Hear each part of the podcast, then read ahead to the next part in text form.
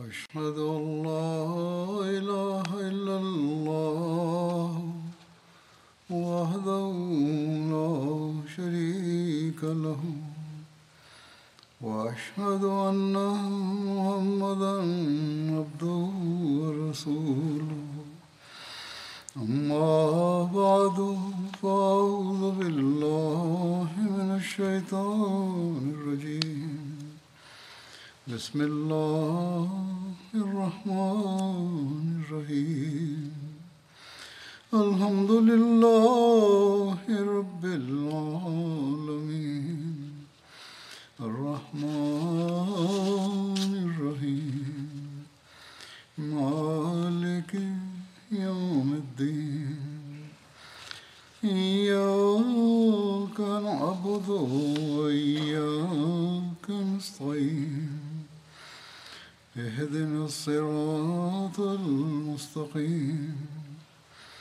صراط الذين أنعمت عليهم غير المغضوب عليهم ولا الضالين.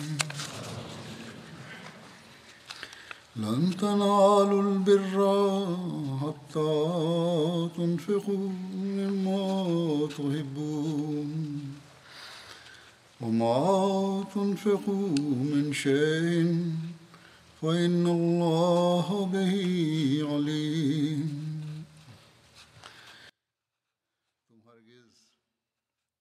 nikako nećete postići dobrotu dok ne budete trošili od onog što volite, a šta god vi trošite, Allah to dobro zna. U ovom ajetu svemogući Allah je jasno rekao da se najviši standardi dobrote postižu tek tad kad radi Božijeg zadovoljstva potrošite ono što volite na Allahovom putu.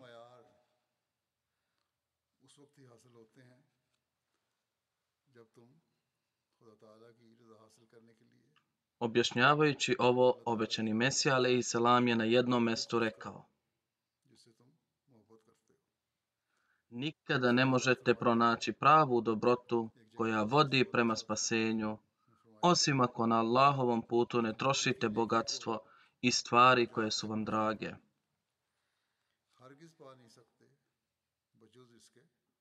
Dalje obećani Mesija alaihi kaže Čovjek ne treba biti zaljubljen u bogatstvo. Svemogući Allah kaže لن تنالوا البر حتى تنفقوا مما تحبون Vi nikako nećete postići dobrotu dok ne budete trošili od onog što volite. Dalje je rekao da niko ne može tvrditi da čini dobro trošeći beskorisne i bezvrijedne stvari. Put dobrote je tijesan, zato imajte na umu da niko ne može ući u njega trošeći beskorisne stvari. To jest, na vratima ove dobrote, jer ajet je jasan.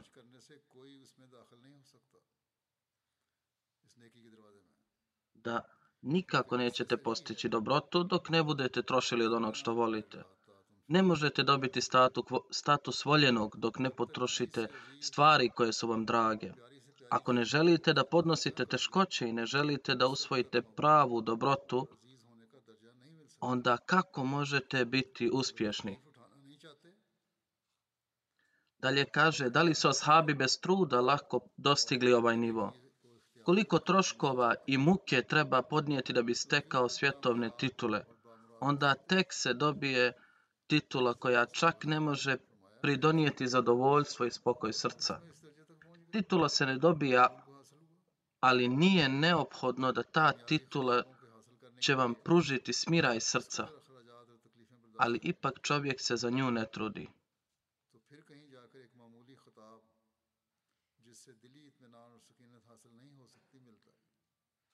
Zamislite onda da su ashabi tako lako dobili titulu razija Allahu anhu, koja je znak utjehe srcu i zadovoljstvu srca i zadovoljstvo gospodara.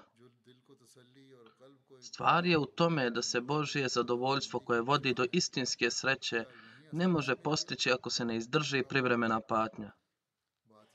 Niko ne može prevariti Allaha. Blago onima koji ne mare za patnju radi Božijeg zadovoljstva jer svjetlost vječne sreće i vječnog mira dolazi vjerniku nakon ove privremene patnje.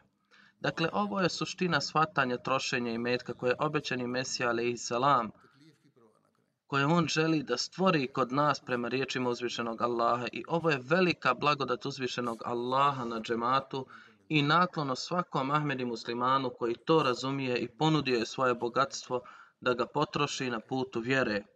Uprkos njihovim potrebama, veliki broj džematlija je ponudio svoje bogatstvo za vjerske potrebe. Postoje hiljade primjera ljudi koji ostavljaju po strani svoje potrebe i podnose financijsko žrtvovanje za vjerske potrebe.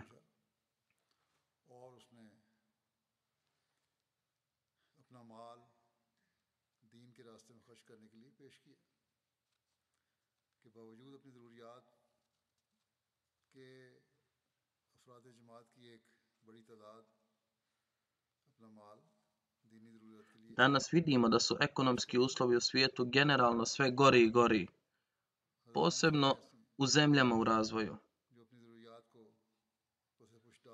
Inače, ni razvijene zemlje više nisu u situaciji da su imale lakoću i fleksibilnost u svemu. a sada su i ratni uslovi u svijetu i rat Ukrajine i Rusije u Europi također je utjecao na uslove Europe.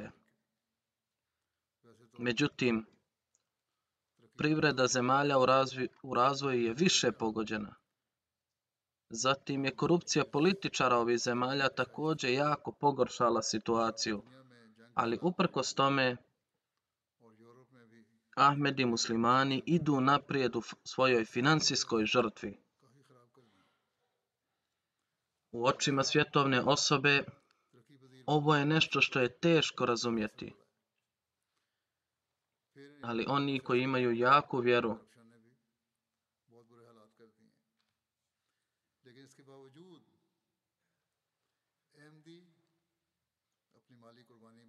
oni koji imaju jaku vjeru znaju da zbog ovih žrtvovanja se dobija Allahov blagodat. U prvoj hudbi u novembru, kao što moji džematlije znaju, najavljuje se nova godina za Tahrik i Džedid. Pa ću vam predstaviti neke priče vezane za Tahrik i Džedid. Predsjednica Leđne, odnosno ženske organizacije u Lahoru, mi je napisala iz distrikta Lahore da su je u jednom međlisu zamolili da skrene pažnju na donaciju za Tahriki Jadid. To je međlis srednje klase koji zarađuju srednje prihode. Ona kaže, bila sam stidljiva i dvoumila se da šta da im kažem jer se već dosta žrtvuju, pošto mi je rečeno, pa moram da obratim pažnju. Kaže, bila sam zapanjena kada sam vidjela kako se sve više žena žrtvuje. Kaže, osjećam se posramljeno što se ljudi s niskim primanjima žrtvuju kako, kako mi ne možemo ni zamisliti. A mnogi bogati ljudi također to ne mogu ni zamisliti. Par stotina hiljada rupija dato je u obliku gotovine i nakita. Slično tome izvještajeva Kilal Mala i kaže ima dugu listu od nekoliko stranica žena koje su predstavile svoje nakite. Kada je Hazreti Muslih Maud radijallahu anhu objavio Tahriki Jadid formu i jedna od, jedan od zahtjeva koji je postavio u to vrijeme bio u vezi sa žrtvovanjem žena. Jedan od tih zahtjeva je bilo da ne prave nakite ili da manje prave i tako mogu da se žrtvuju. Vjerujem da izbjegavati pravljenje nakita je veće žrtvovanje nego nuđenje napravljenog nakita.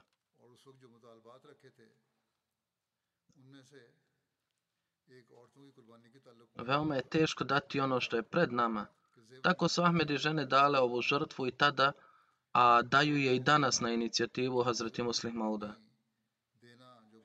Ne samo u jednoj zemlji, već i u ovim zapadnim zemljama ima žena koje poklanjaju svoj nakit čak sav nakit za članarinu.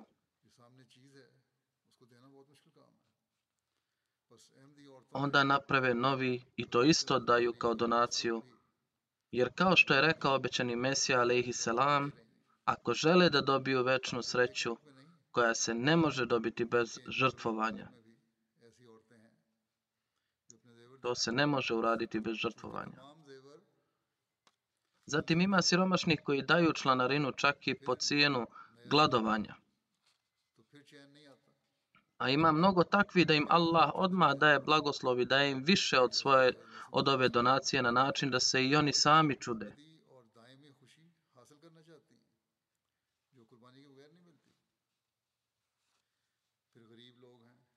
Ispričat ću neke slučajeve takvih ljudi, ali ću istovremeno i zamoliti ove bogataše da iz ovoga uče i povećaju kvalitet svojih žrtvovanja. Hazreti Muslim Aud je to rekao u jednoj od svojih hudbi.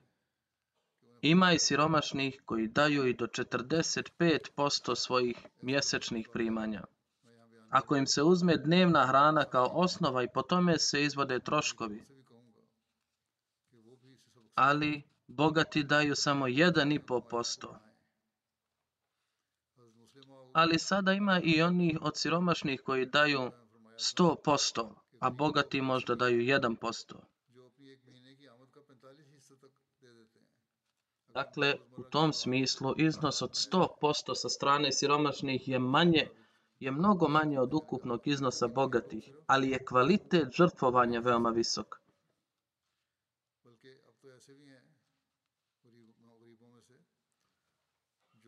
Tako da u tom smislu prosperitetni ljudi bi trebali razmišljati o, ovom, o svom stanju. Zapamtite da Allah nikome ne ostaje dužan. Kao što je Allah rekao na drugom mjestu u časnom Kur'anu, da daje množenjem 700 puta ili čak i više. U svakom slučaju, kao što sam rekao, navešću nekoliko primjera žrtvovanja koja ću predstaviti. Ovi primjeri su zapravo pokazatelji duha njihovih imena i žrtvovanja također. I ta žrtvovanja također otkriju kako Allahova milost se odmah vidi na njima. Gvineja Bisao je država u Africi. Gospodin Mahmud koji je mehaničar, automehaničar, misionar ga je motivirao da donira za Tahrike Žedid pa je izvadio sav novac koji je imao u džepu, a to je bilo oko njihovih 10.000 franaka.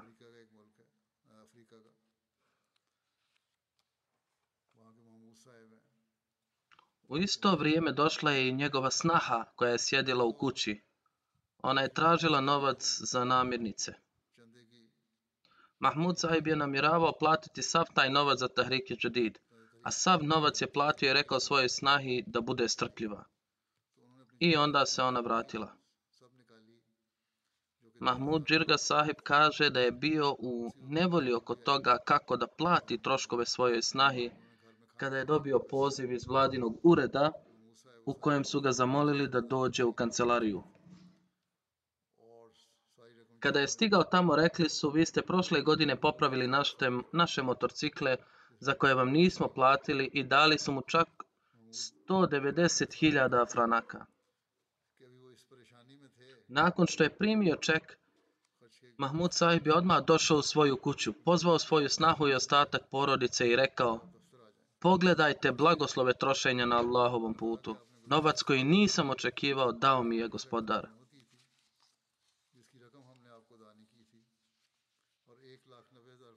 Imam iz Fidžija piše da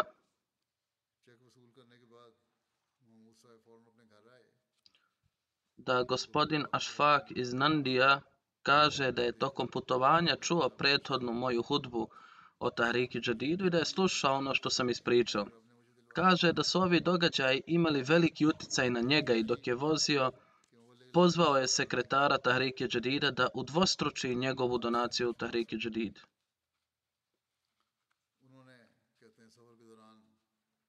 Nakon toga, kada je napravljen godišnji financijski izvještaj poslovanja vidjeli su da i njihova ovogodišnja dobit je također udvostručena, na čemu navodi da vjerujem da ova dvostruka zarada nije dobijena našim trudom, već jednostavno milošću Allaha zbog dupliranja donacije.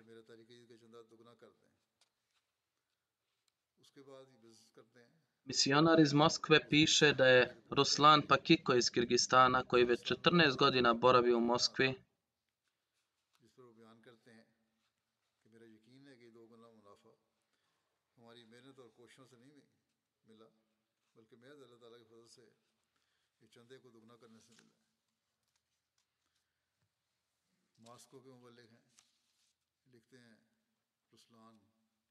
Ovaj misionar kaže da je on je bio redovan u financijskom žrtvovanju. Prije otprilike godinu dana kada je čuo moju hudbu o financijskoj žrtvi, rekao je da je osjetio čar i kaže Veoma sam sretan što to čujem. A nakon toga je rekao hoću da i ja budem uključen u to i bude među onim ljudima koji se žrtvuju. I nakon toga je počeo da šalje redovno 10% svojih dnevnih prihoda za članarinu.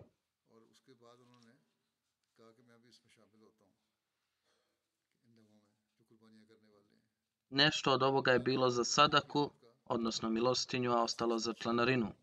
Kaže da on ovu metodu održava već godinu dana kada je misionar prešao u drugo mjesto, tada ovaj gospodin koji ima ruski temperament, on je iz Kirgistana i imao sam samo jedno pitanje da može li nastaviti plaćanje članarinom kao i, članarine kao i ranije. Dakle, ovo je revolucija koju je obećani Mesija a.s. stvorio među ljudima. Znači da imaju brigu o članarini. Predsjednik džemata iz Tanzanije piše o jednom džematu odakle je Muhammed Sani sahib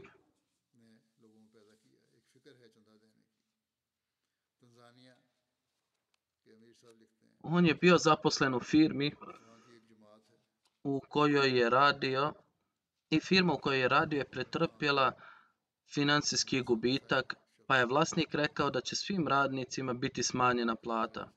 On je bio jako tužan zbog toga. To je bio posljednji mjesec plaćanja Tahrike Džedida. Kada ga je Mualim kontaktirao,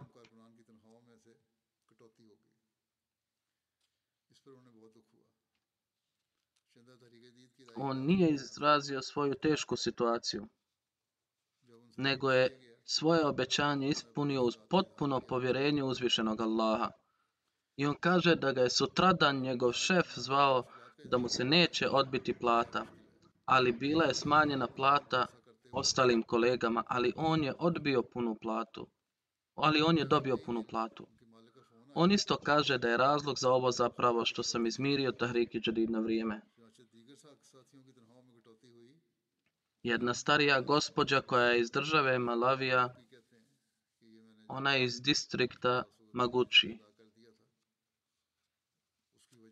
I oni se tamo bave poljoprivredom.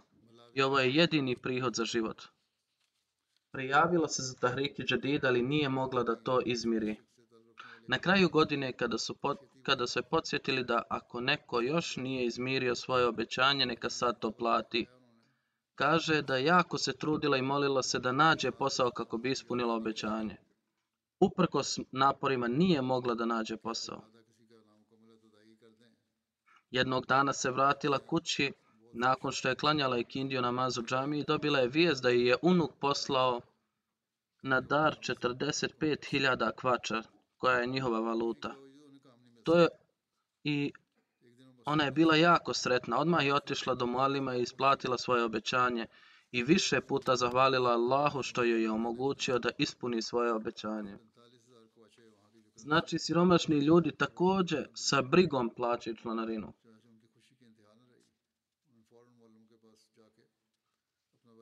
Predsjednik džemata Tanzanije kaže o džematu Šijangi, kaže, kaže da je gospođa Merijem imala poziv molima u vezi ostatka duga Tahriki Džedida. Ona kaže, tada sam imala samo 10.000 šilinga za osnovne, za osnovne namirnice, ali to sam uplatila za članarinu. Onda se desilo da mi je Allah vratio 100.000 šilinga istog dana.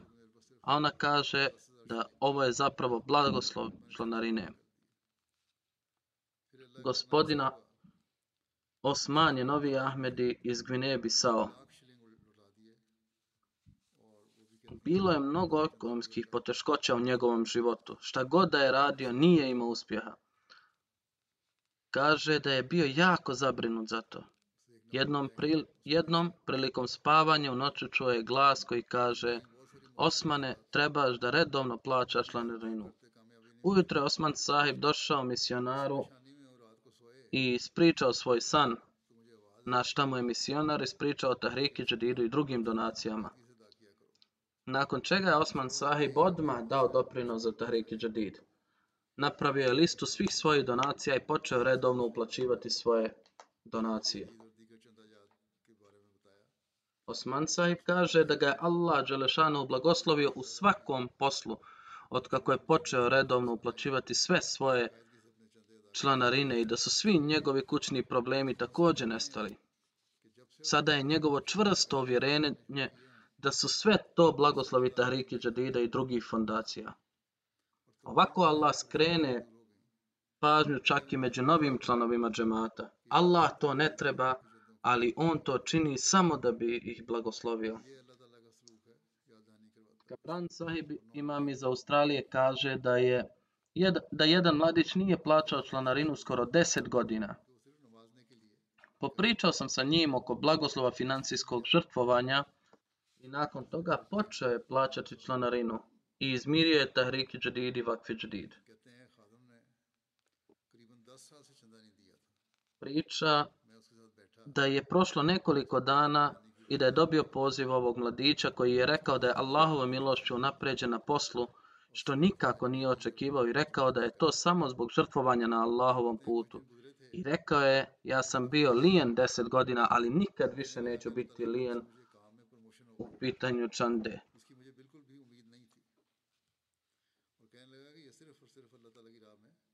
Još jedan prijatelj iz, sena, iz sela Nijamina iz Hambije, sekretar Tahriki Džadid otišao je u njegovo selo i zatražio isplatu donacije navodeći da svrha ovog fonda nije samo da je to financijski pokret, već je jedan od njegovih ciljeva povećanje znanja i tablig, odnosno širenje poruke Islama. Ako ćete se pridružiti Tahriki Džadidu, nemojte samo misliti da je financijska donacija obavljena i da je posao završen. Osim toga, trebalo bi da se poveća svoje versko znanje i onda dođu na polje propovijedanja. Proteklih dana kada sam uzeo zakletvu od Hudam, od Hudam Ensara, to isto imajte ispred sebe na umu. Za džemat je jako važno da budete u prvom redu tabliga. Nemojte misliti da smo svoju dužnost ispunili samo financijskim žrtvovanjem. Jedan od ciljeva Tahriki Čidira je bio tablig i to je bio glavni cilj zbog koje je pokrenut ovaj fond. Kaže, to me je jako impresioniralo i odlučio sam da se pridružim džematu, jer prije toga on nije dao bajat. Kada je saznao ciljeve za Tahriki Džadid, odlučio je da se pridruži džematu zaklevši se na vjernost i prijavio je svoje obećanje i odmah uplatio 150 dilasi za Tahriki Džadid. Kaže da je nakon uplate donacija osjećao čistu promjenu u sebi i širio je poruku Islama Ahmedijeta među Ahmedijama i neahmedijama, a sada također uplaćuje redovnu članarinu. Jedna žena iz Gambije piše da od kako sam počela plaćati članarinu osjećam pozitivnu promjenu u sebi i svojoj djeci i vidim da Allah brine o našim potrebama. Dobrota i žrtvovanje radi Allaha zapravo učini čoveka nasljednikom Božije blagodati. Gvineja Kanarki je država u Africi. Gospodin Kumara, lokalni imam, kaže da je posjetio jedno selo kako bi prikupio članarinu, to jest u selu u kojem je stacioniran. On se obratio supruzi jednog novog člana u vezi članarine na što je ta žena, a ta žena je odmah izvadila pet hiljada gvineja i podigla svoju ruku prema nebu i rekla O Allahu, imam samo ovaj ukupan iznos koji dajem na tvom putu, zato ga prihvati. I uplatila je taj iznos za članarinu. Znači, ona je nova Ahmedi koja je iz udaljenog dijela Afrike. Lokalni imam kaže da mi je kada sam se vratio nakon obilaska sela, gospođa koja je uplatila članarinu od 5000 gvineja s velikom radošću počela govoriti da kako joj današnja trgovina sa Allahom je donijela mnogo dobitka. Ona kaže da mi je nakon što si otišao, uzvišeni Allah preko rođaka poslao 80.000 gvinejskih franaka, što je mnogo više od mog žrtvovanja. Gospodin Džallo, lokalni imam iz Gvineje Kanakri, kaže da je tokom obilježavanja Tahrike Džadida molim došao u jedno selo u Kontaji da prikupi članarinu. Jedan novi član, gospodin Šehu, koji je imao obećanje za 30.000 gvinejskih franaka, kaže da mu je skrenuta pažnja na uplatu i rekao je da imam samo 30.000 za troškove kuće za danas, ali ja to dajem na Allahovom putu, pa to uzmite. Sutradan je gospodin veoma uzbuđen zvao mu Alima i rekao da je Allah prihvatio njegovo žrtvovanje. Kaže, nekoliko sati nakon plaćanja članarine, sin mu je poslato, poslao 300.000 gvineja za kućne troškove. Navodi da je Allah nakon ovog incidenta dosta ojačao moju vjeru. Donacija koju džema dobije od nas se troši na Allahovom putu i ja ću nastaviti da, da se žrtvujem na isti način. On je također bio zadovoljan da je ono što je Allah blagoslovio jer je novac potrošen na ispravan put i novac nije bačen.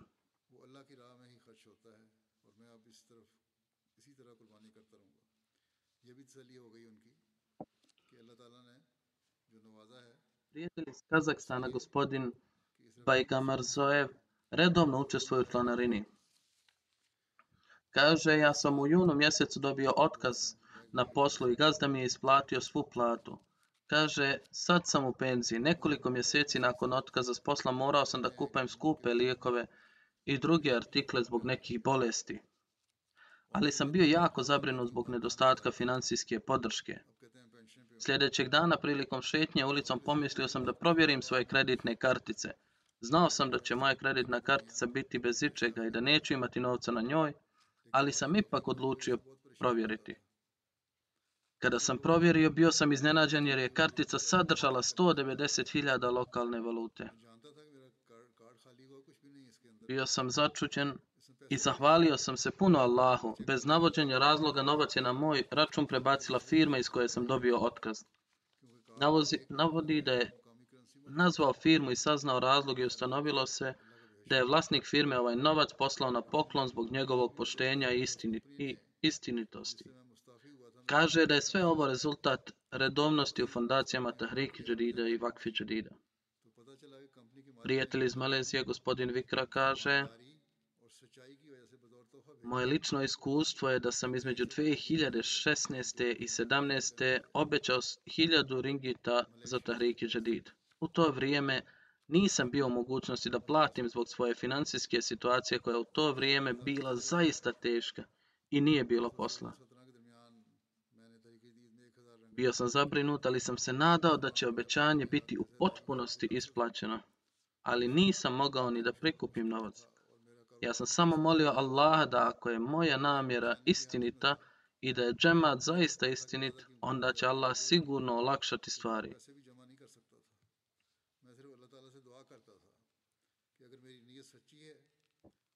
Dan prije posljednjeg dana plaćanja prihod je došao od poslovanja i iznosio je tačno hiljadu ringita. Bez razmišljanja otišao sam u kuću sekretara financija i platio mu hiljadu ringita. Od ovog događaja potpuno vjerujem u ovaj džemat i da će ako su naše namjere iskrene za razvoj džemata i islama, onda Allah Đelešanu sigurno učiniti stvari izuzetno lakim. Dakle, ovo je vrsta razmišljanja koju imaju Ahmedi koji žive u svakoj zemlji svijeta. Iako je razmak hiljadama milja između njih, ali Allah jača vjeru na ovaj način i objavljuje im istinu džemata i jača njihovu vjeru. Prijatelj iz Njemačke kaže da kada se financijska situacija moje firme pogršala, pogoršala, bilo nam je skraćeno radno vrijeme, što je smanjilo moja primanja.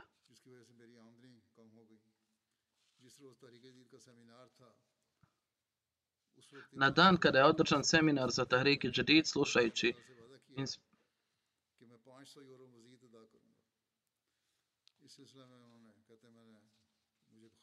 Mm, na dan kad je održan seminar Tahriki Džerida slušajući inspiraju, inspirajuće događaje, obećao sam uzvišenom Allahu u svom srcu da ću platiti 500 eura više. S tim u vezi kaže, napisao sam pismo halifi i sam isto dovio. Uzvišeni Allah ga je blagoslovio i nakon što je platio prvo obećanje Tahriki Džerida, mogao je platiti još 600 eura.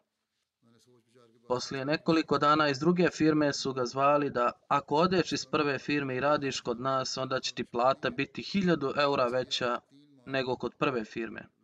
Nakon što sam razmislio o tome, odlučio sam da radim u ovoj novoj firmi. Vlasnik ove firme je rekao, pošto ste napustili staru firmu, dobit ćete redovni bonus od 2000 eura naredna tri mjeseca u tri rate i rekao je da će u petak, subota i nedelja biti slobodni. Tako je Allahovom milošću kao rezultat dodatne žrtve za Tahrik i Džedid povećana ne samo moja plata, već je i napravljen i stalni dogovor za klanjanje namaza petkom. Imam iz,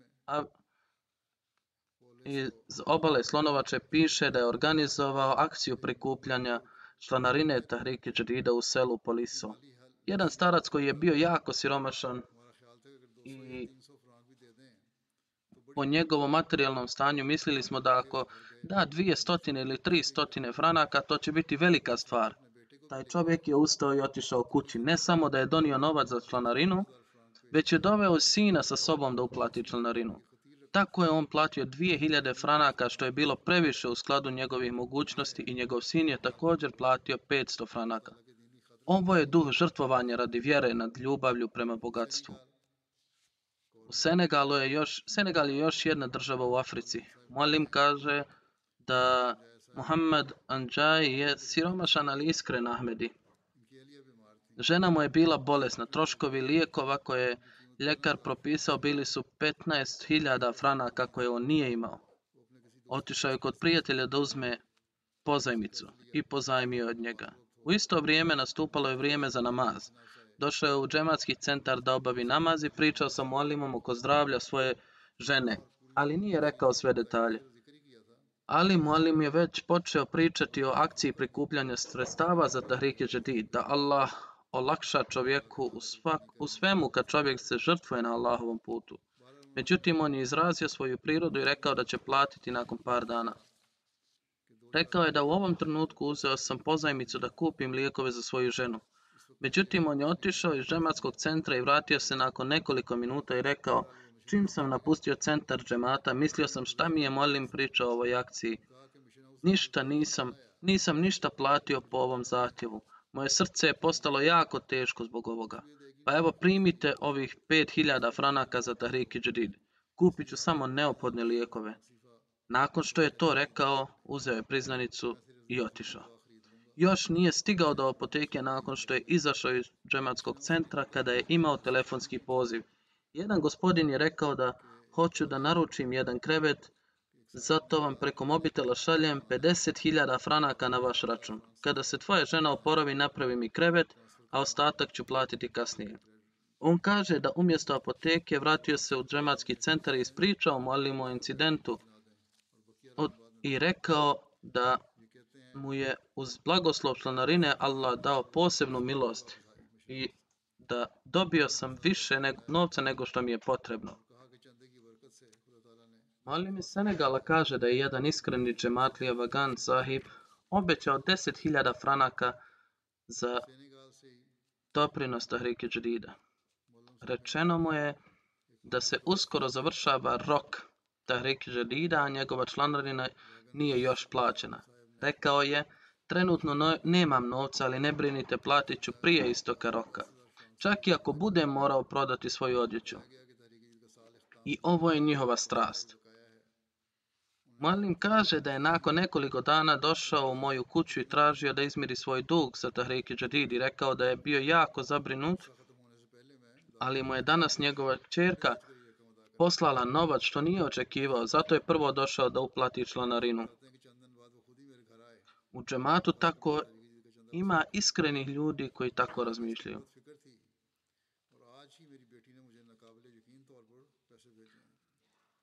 Predsjednik jednog predsjednik Nigerije kaže da žena jednog molima je domaćica koja nema svoju ličnu zaradu. Molim sahib je bio platio za nju Tahriki Jadid.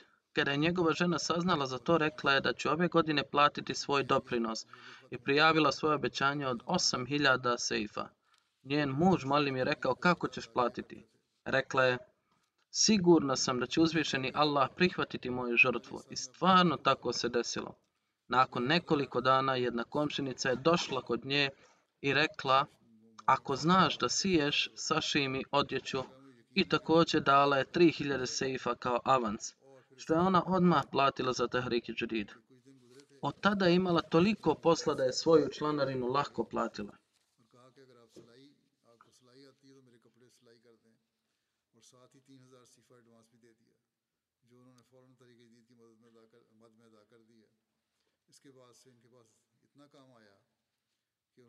Žene su pisale mali, muslim Maudu kada je krenuo Tahriki Jadid, da je on danas rekao da damo pet rupija ili deset rupija, ali ne možemo dati ovaj iznos odjednom. Možemo li platiti po rupiju ili dvije, pa dozvoli nam da damo mjesečno. Duh koji je tada pokazivan postoji i danas, čak i među ljudima koji sjede hiljadama kilometara daleko. Čuju direktan glas halife vremena, ne razumiju jezik, ali su porasli u iskrenosti. Molim iz Senegala piše, gospodin Seidi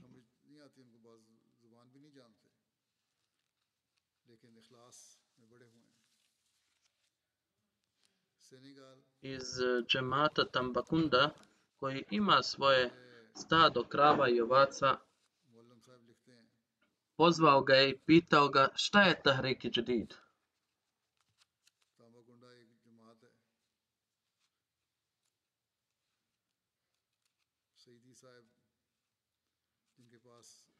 Čuo da ljudi trebaju donirati u Tahriki Jadid. Malim sahib mu je detaljno objasnio Tahriki Jadidu i također mu je rekao da se ovih dana vodi akcija Tahriki Jadida. Malim kaže da je otac tog čovjeka bio veoma bogat čovjek, ali je bio slab u zekatu i na trošenju vremena na Allahovom putu, ali je pazio hođe. Nakon smrti njegovog oca mnoge financis, mnoge životinje su došle u njegov dio nasljedstva, ali čak ni on nije obratio pažnju na trošenje na Allahovom putu. Kada mu je Molim Saif skrenuo pažnju na zekat i druge donacije, donirao je jednu kravu i dvije ovce i rekao da je jedna ovca za Tahriki Jadid. Sedam dana nakon toga usnio je san da se među životinjama širi neka vrsta epidemije zbog koje iz tijela toga zbog kojeg iz tijela teče voda i životinje umiru. Pošto je i sam vlasnik velikog stada, on je u snu mislio da su tu i njegove životinje i molio se u snu da Allah zaštiti njegove životinje. U snu je čuo glas, glas, glasan glas na kojem je u prvom redu pisalo bis, je čuo glasan glas da će tvoje životinje biti sigurne zbog tvo, tahriki džadida. Umeđu vremenu je vidio papir na kojem u prvom redu je pisalo Bismillahirrahmanirrahim i njegovo ime. On se probudio, zvao je Molima i ispričao mu svoj san. Molim mu je rekao, pročitajte gornji red priznanice koja vam je data. Piš, piše Bismillahirrahmanirrahim i vaše ime je također napisano ispod. Osim toga, nije mogao ništa pročitati, a onda je u nastavku bilo pisano oko članarine Tahriki Jadida. U svakom slučaju kaže da kada sam vidio taj račun i, i sjetio se sna, ovaj događaj izazvao povećanje moje vjere. Allah upućuje na čudan način. Malim Šijanga iz Tanzanije piše da je jedan Ahmedi starješina Ramzan, sahib novi član džemata, napisao obećanje visokog iznota za Tahriki Jadid Čandu. Živeo od poljoprivrede i zbog nedostatka kiše mnogi farmeri nisu mogli dobiti dobru žetvu. Ramzan sahib je rekao da je uvijek bio zabrinut kako će ispuniti svoje obećanje za Tahriki Jadid. Kaže, jednog dana bio sam zabrinut oko toga i međutim dobio sam poziv od jednog rođaka koji mi se dugo nije javljao. Nazvao me i rekao da ti šaljem nešto novca da kupiš hranu za svoj dom. Kada je ovaj starac primio novac, direktno je otišao do blagajnika i izmirio svoje obećanje. Čak i malo više je platio. On je ubijeđen da mu je Allah sve ovo pomogao da ispuni obećanje za Tahriki Jadid. Dakle, to su bili standardi žrtvovanja i oni koji se tek pridružili džematu. Sa jedne strane, opozicijona stranka insistirala, odnosno opozicija džemata insistirala da eliminiše džemata. Sa druge strane, vidite kako je Allah svemogući stvorio duh žrtvovanja za dobrobit džemata.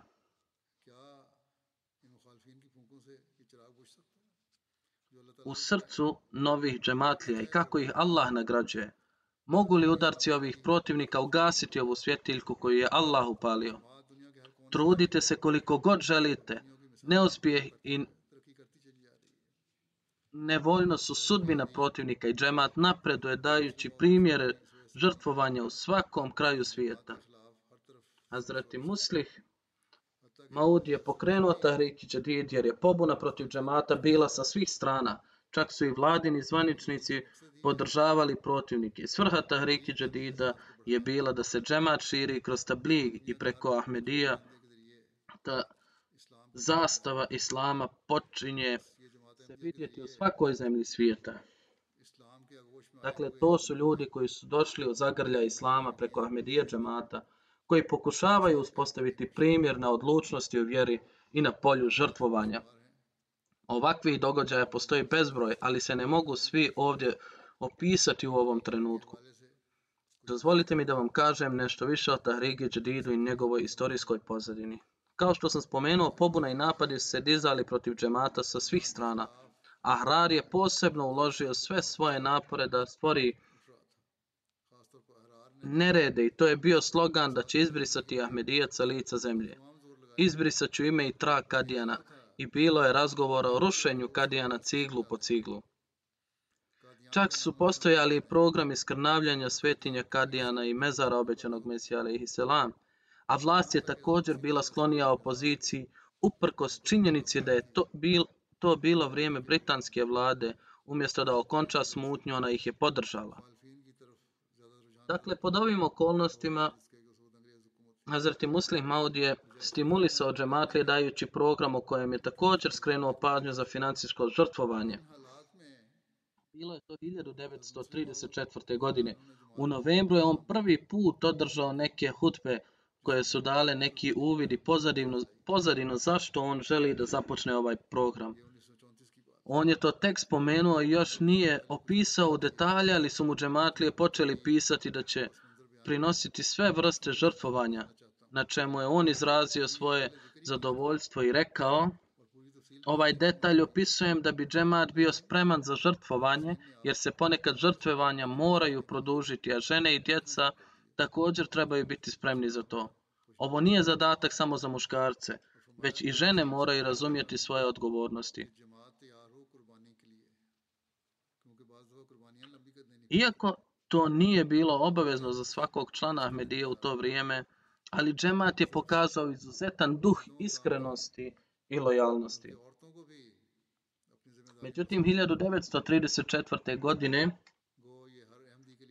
najavio je fond i rekao da moramo odgovoriti na napade neprijatelja, ne buđenjem napadima poput njih, već tabligom, odnosno širenjem poruke, jer je neprijatelj dobio ovu priliku samo zato što nismo širili poruku kako treba.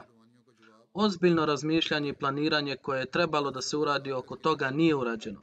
Napori koji su trebali biti uloženi da se poruka Ahmedijete proširi u krajeve svijeta nisu učinjeni. posao nije urađen kako bi trebao biti. Tada je on džematu dao program u kojem se fokusirao na poboljšanje kvaliteta samousavršavanja i financijskog žrtvovanja od 27.000 rupija, što bi trebalo prikupljati u roku od tri godine. Ali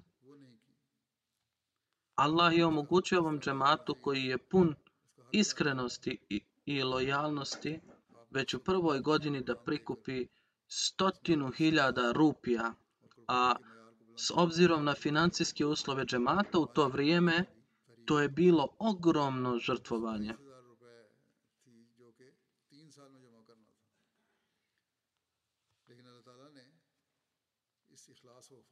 Tada su žrtvovali čak i zadnji dinar iz svog džepa. Tada ljudi su gladovali, ali uspostavili su visok nivo žrtvovanja što je Allah prihvatio. I zbog toga je otvarao izvanredni način širenja poruke širom svijeta i ta žrtvovanja nisu bila ograničena samo na njih, već i danas vidimo takve primjere kao i u ovim događajima koje sam opisao. Međutim, kako su ovi ljudi dali financijska žrtvovanja, također su posvetili svoje živote za vjeru. Išli su da prenose poruke u daleke zemlje i neki su morali da podnesu teškoće zatvora. Hazreti Muslim Aud je prvobitno produžio ovaj ovu šemu na 10 godina, odnosno od 3 do 10 godina. Onda je nakon završenih 10 godina uvjedeši njegove srećne rezultate i poželji više žrtvovanja, produžio dalje. A onda je ovo postao stalni, stalna šema. Danas sve što mi svjedočimo slike Allahove podrške i blagodati, to je samo rezultat žrtvovanja ovih ranijih ljudi koje je Allah Đelešanuhu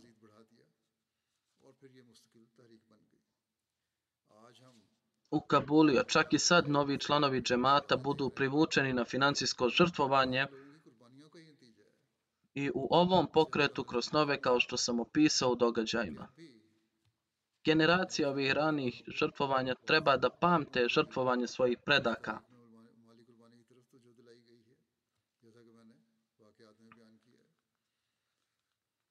I pri čemu oni sami i njihovi potomci treba da pokušaju da nastave sa ovim žrtvovanjem, a sami da napreduju u ovom polju radi blagoslova koji su im dati. Međutim, prema ovom pokretu, broj ranih učesnika je, je bio 5000. Oni su zabilježeni kao muđahidi prve jedinice Tahrike Džedida. A zatim je napravio poseban program od strane Hazreti Halifatul Mesiha četvrtog da njihova djeca i loza trebaju da nastave plaćati članarinu u njihovo ime za uvijek. A onda kada sam započeo petu jedinicu, obratio sam pozivnu pažnju na to i sada. Allahove milošću računi svih njih su aktivni. Kada su muđahedini prve jedinice navršili deset godina, tada je Hazreti Halifatul Mesih drugi najavio drugu jedinicu, pa oni koji su došli kasnije su se pridružili na to. A on je odredio njen period na 19 godina i rekao da će u budućnosti na navršetku svake 19. godine nova jedinica će se dalje nastaviti. Znači jedna jedinica će trajati do 19 godina, a zatim će početi sljedeći. Dakle, prema ovome treću jedinicu je tada izdao Hazreti Halifatul Mesih treći, ali mu se, Allah mu se smilovao, međutim nakon 19 godina trebalo je da bude izdata nova jedinica 64. Ali zbog bolesti Hazreti Halifatul Mesija drugog nije to mogao objaviti u to vrijeme. Stoga Halifatul Mesih treći rekao da ja najavljujem ovu jedinicu, ali će ona biti pripisana Hazreti Muslim Maudu. I Allah će i mene za to nagraditi. Najavljena je 66. ali on je rekao da ovo službeno nastupa od novembra 65.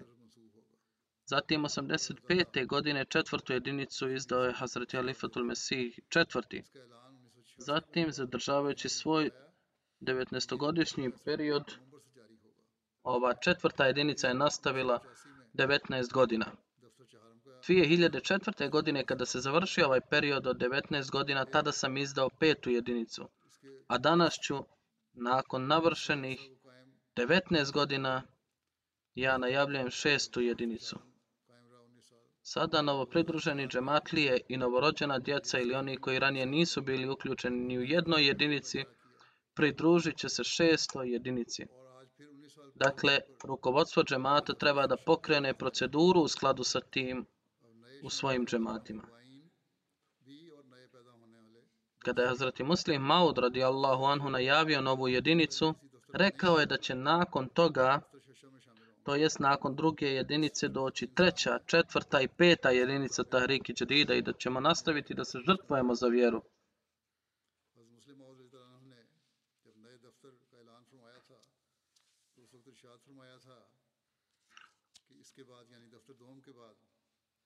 onog dana kada budemo odustali od borbe za vjeru i dana kada se među nama budu rodili ljudi koji će reći prošlo prvo, drugo, treće, četvrto, peto, šesto i sedmo razdoblje, koliko ćemo još nastaviti sa ovakvim žrtvovanjem.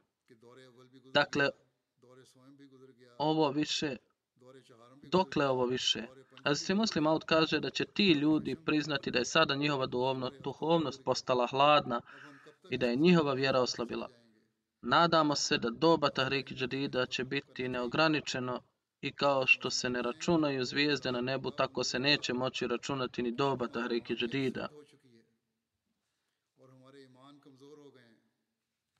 Baš kao što je Allah Đelešanuhu rekao Hazreti Ibrahimu, tvoje, pot... tvoje potomstvo se neće moći brojati kao što je njihovo potomstvo.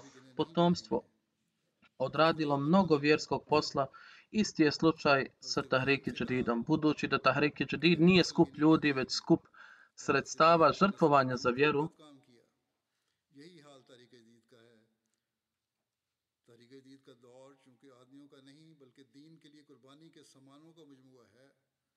اس لیے اس کے دور بھی اگر نہ گنے جائیں تو یہ عظیم الشان بنیاد Budući da Tahrik Džarid nije skup ljudi, već skup sredstava žrtvovanja za vjeru, zato ako njegovo doba bude neograničeno, to će biti veliki temelj za snagu Islama i Ahmedije džemata. Dakle, sa ovim duhom svaki Ahmedi musliman treba analizirati nivo svog žrtvovanja. Kao što sam rekao, ispričao sam neke od incidenata o tome kako Allah blagoslovi ove ljude. Ovo je praktično njihovo ovo je praktično Allahovo svjedočenje da je ovo božanski pokret, ovo Božiji pokret. Na isti način Azrati Muslih Maud je na jedno mjesto rekao u kontekstu Tahriki Džadida povez, povezujući ga sa sistemom vasijata, odnosno oporuke, da je sistem Tahriki Džadid koji je pokret sistem oporuke. Ja ovo objašnjavam svojim riječima. Ovo je kao uvod, odnosno zbog Tahriki Džadida sistem vasijata će biti ojačan, to će biti osnova za navikavanje na financijsko žrtvovanje. To je vodič koji ide prema koji ide pred karavanom. Ljudi će biti obaviješteni da veliki sistem tek dolazi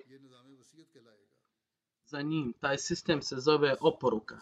Dakle, kao što sam rekao, 2005. godine dok sam se zalagao za uključivanje u sistem oporuke, da sistem alifata je usko povezan sa sistemom oporuke. U sistem oporuke će se uzdignuti nivo financijskog žrtvovanja i radi navikavanja financijskog žrtvovanja postoji Tahrik i Džerid, pa trebamo obratiti pažnju prema njemu. A zato obratite pažnju prema ovome. Neka Allah Đelešanohu pomogne dobrostojećem dijelu džemata da također obraći pažnju na ovo. Milošću Allaha Đelešanohu neki koji puno zarađuju obraćaju pažnju, ali još uvijek ima prostora za više ljudi koji bi trebali dati doprinos u skladu sa svojim mogućnostima. Siromasni su, kao što sam rekao, dak, daleko napredovali u polju žrtvovanja, ali bogati treba da obrate pažnju na to. Sada iznosim i prošlogodišnje podatke. Dozvolite mi da vam sada ispričamo plodovima Tahriki Džadida koje smo vidjeli. U početku smo bili ograničeni samo na Kadijani i u nekim dijelovima Indije, ali sada je ukupan broj zemalja od 220. Ukupan broj džamija u 220 zemalja svijeta više od 9300. Broj džem, džematskih centara je preko 3400. I sada se grade mnoge džamije, grade se desetine džamija, grade se i džematske kuće. Broj imama i mualima u svijetu je oko 5000. Još uvijek raste. Allahovo milošću časni Kur'an je također preveden na 77 jezika. Štampa se literatura kao što se i prevodi literatura na različite jezike i kroz ovaj projekat se radi na bezbroj radova koji su pokrenuti preko ovoga. Iako su i ostale donacije uključene u ovo, ali Tahrik Jadid ima veliku ulogu. Allahovo milošću sada najavljujem novu godinu. 89. godina Tahrik Jadida je završena 31. oktobra i sada ulazimo u 90. godinu. Ove godine milošću uzvišenog Allaha, džemat je mogao prinijeti žrtvu od 17,20 miliona funti.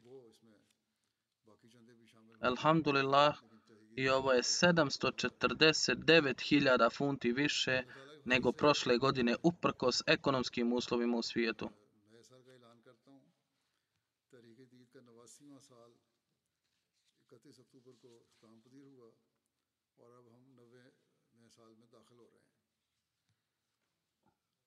Ovog puta džemat Njemačka je na prvom mjestu među džematlijama širom svijeta i zadržala je svoju čast. Na kurseva valuta u svijetu su dosta uticali i ekonomski uslovi u Pakistanu, ali općenito na lokalnom nivou svi su povećali kvalitet svojih žrtvovanja. Osim Pakistana, Njemačka je prva pozicija među deset.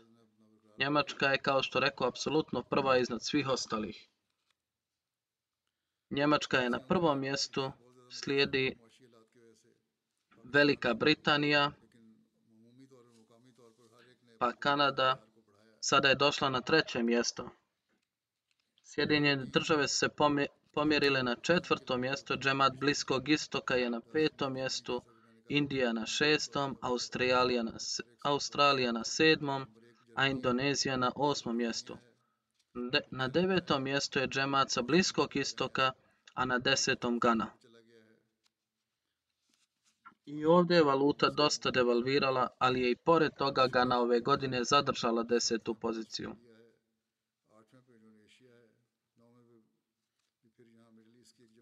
Značajne zemlje koje se su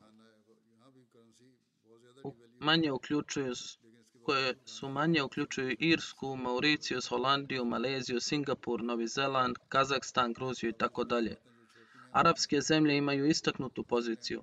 Ghana, Mauricius, Nigerija, Burkina Faso, Tanzanija, Gambija, Uganda, Liberija, Sierra Leone i Benin. Ukupan broj učesnika je premašio 1637 hiljada, a najaktivnije zemlje su Gvineja, Konakri, Jamajka, Kirgistan, Zambija, Nepal, Ghana, Kenija, Tanzanija, Kongo, Kinshasa, Kongo, Brazavil, Nigerija, Senegal, obala Slonovače i džemat iz Bliskog istoka.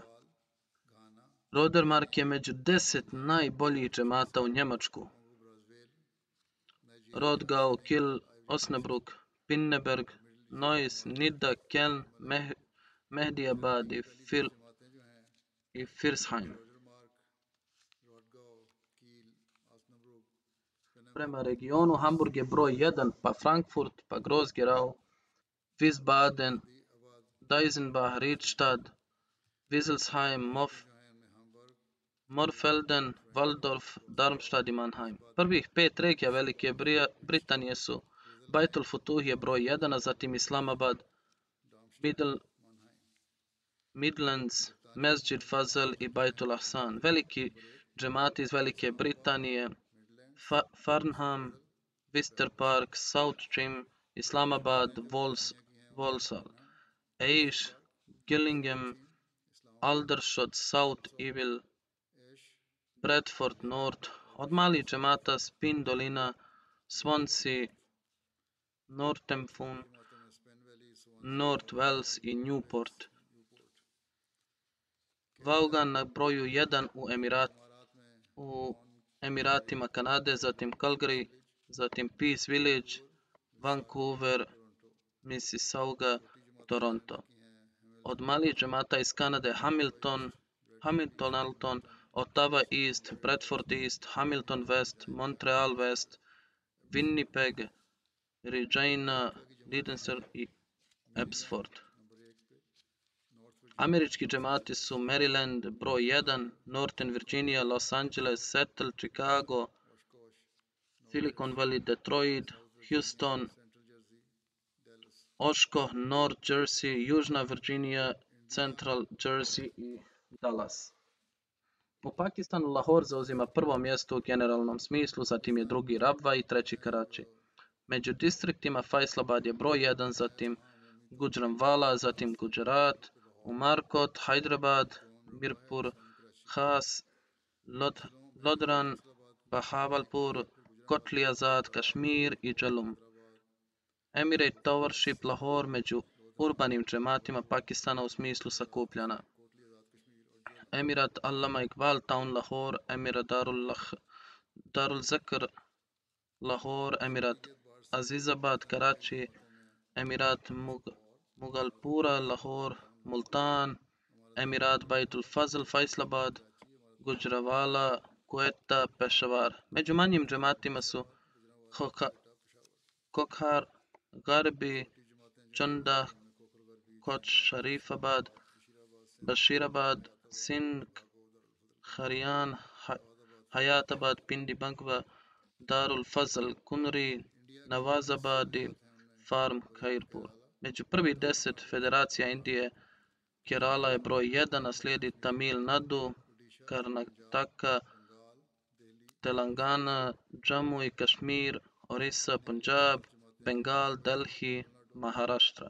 Prvih deset džemata Coimbatore, Tamil Nadu, Pakadian, pa Hyderabad, Calicut, Mancheri, Melapalam, Bang Bangalore, Kolkata, Karolaj, Kerang. Prvi deset australijskih džemata Melbourne, Vorin, Melbourne, uh, Berwick, Marsden Park, Pen Penrith, Perth, Adelaide West, Castle Hill, Brisbane, Logan, Istok i Paramatta, Melbourne, Cleat. Ovo je naj, njihovi deset džemata. Neka Allah blagoslovi metak i živote svih ovih i neka ovi ljudi napreduju u žrtvovanju. Imajte u vašim dobama palestince, nikada ih ne zaboravite. Žene i djeca melju se u mlinu ugnjetavanja, da im Allah podari brzo oslobađanje.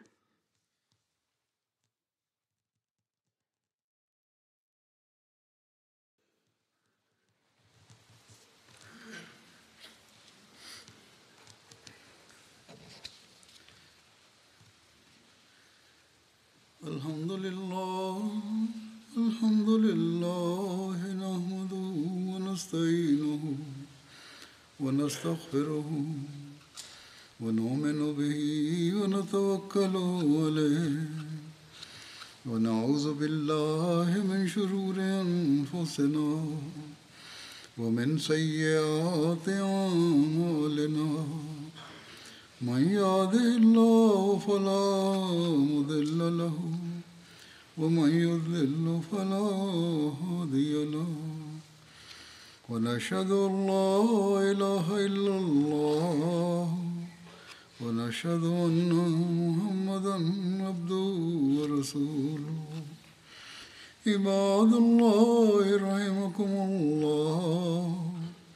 إن الله يأمر بالعدل واللسان وإيتاء ذي القربى.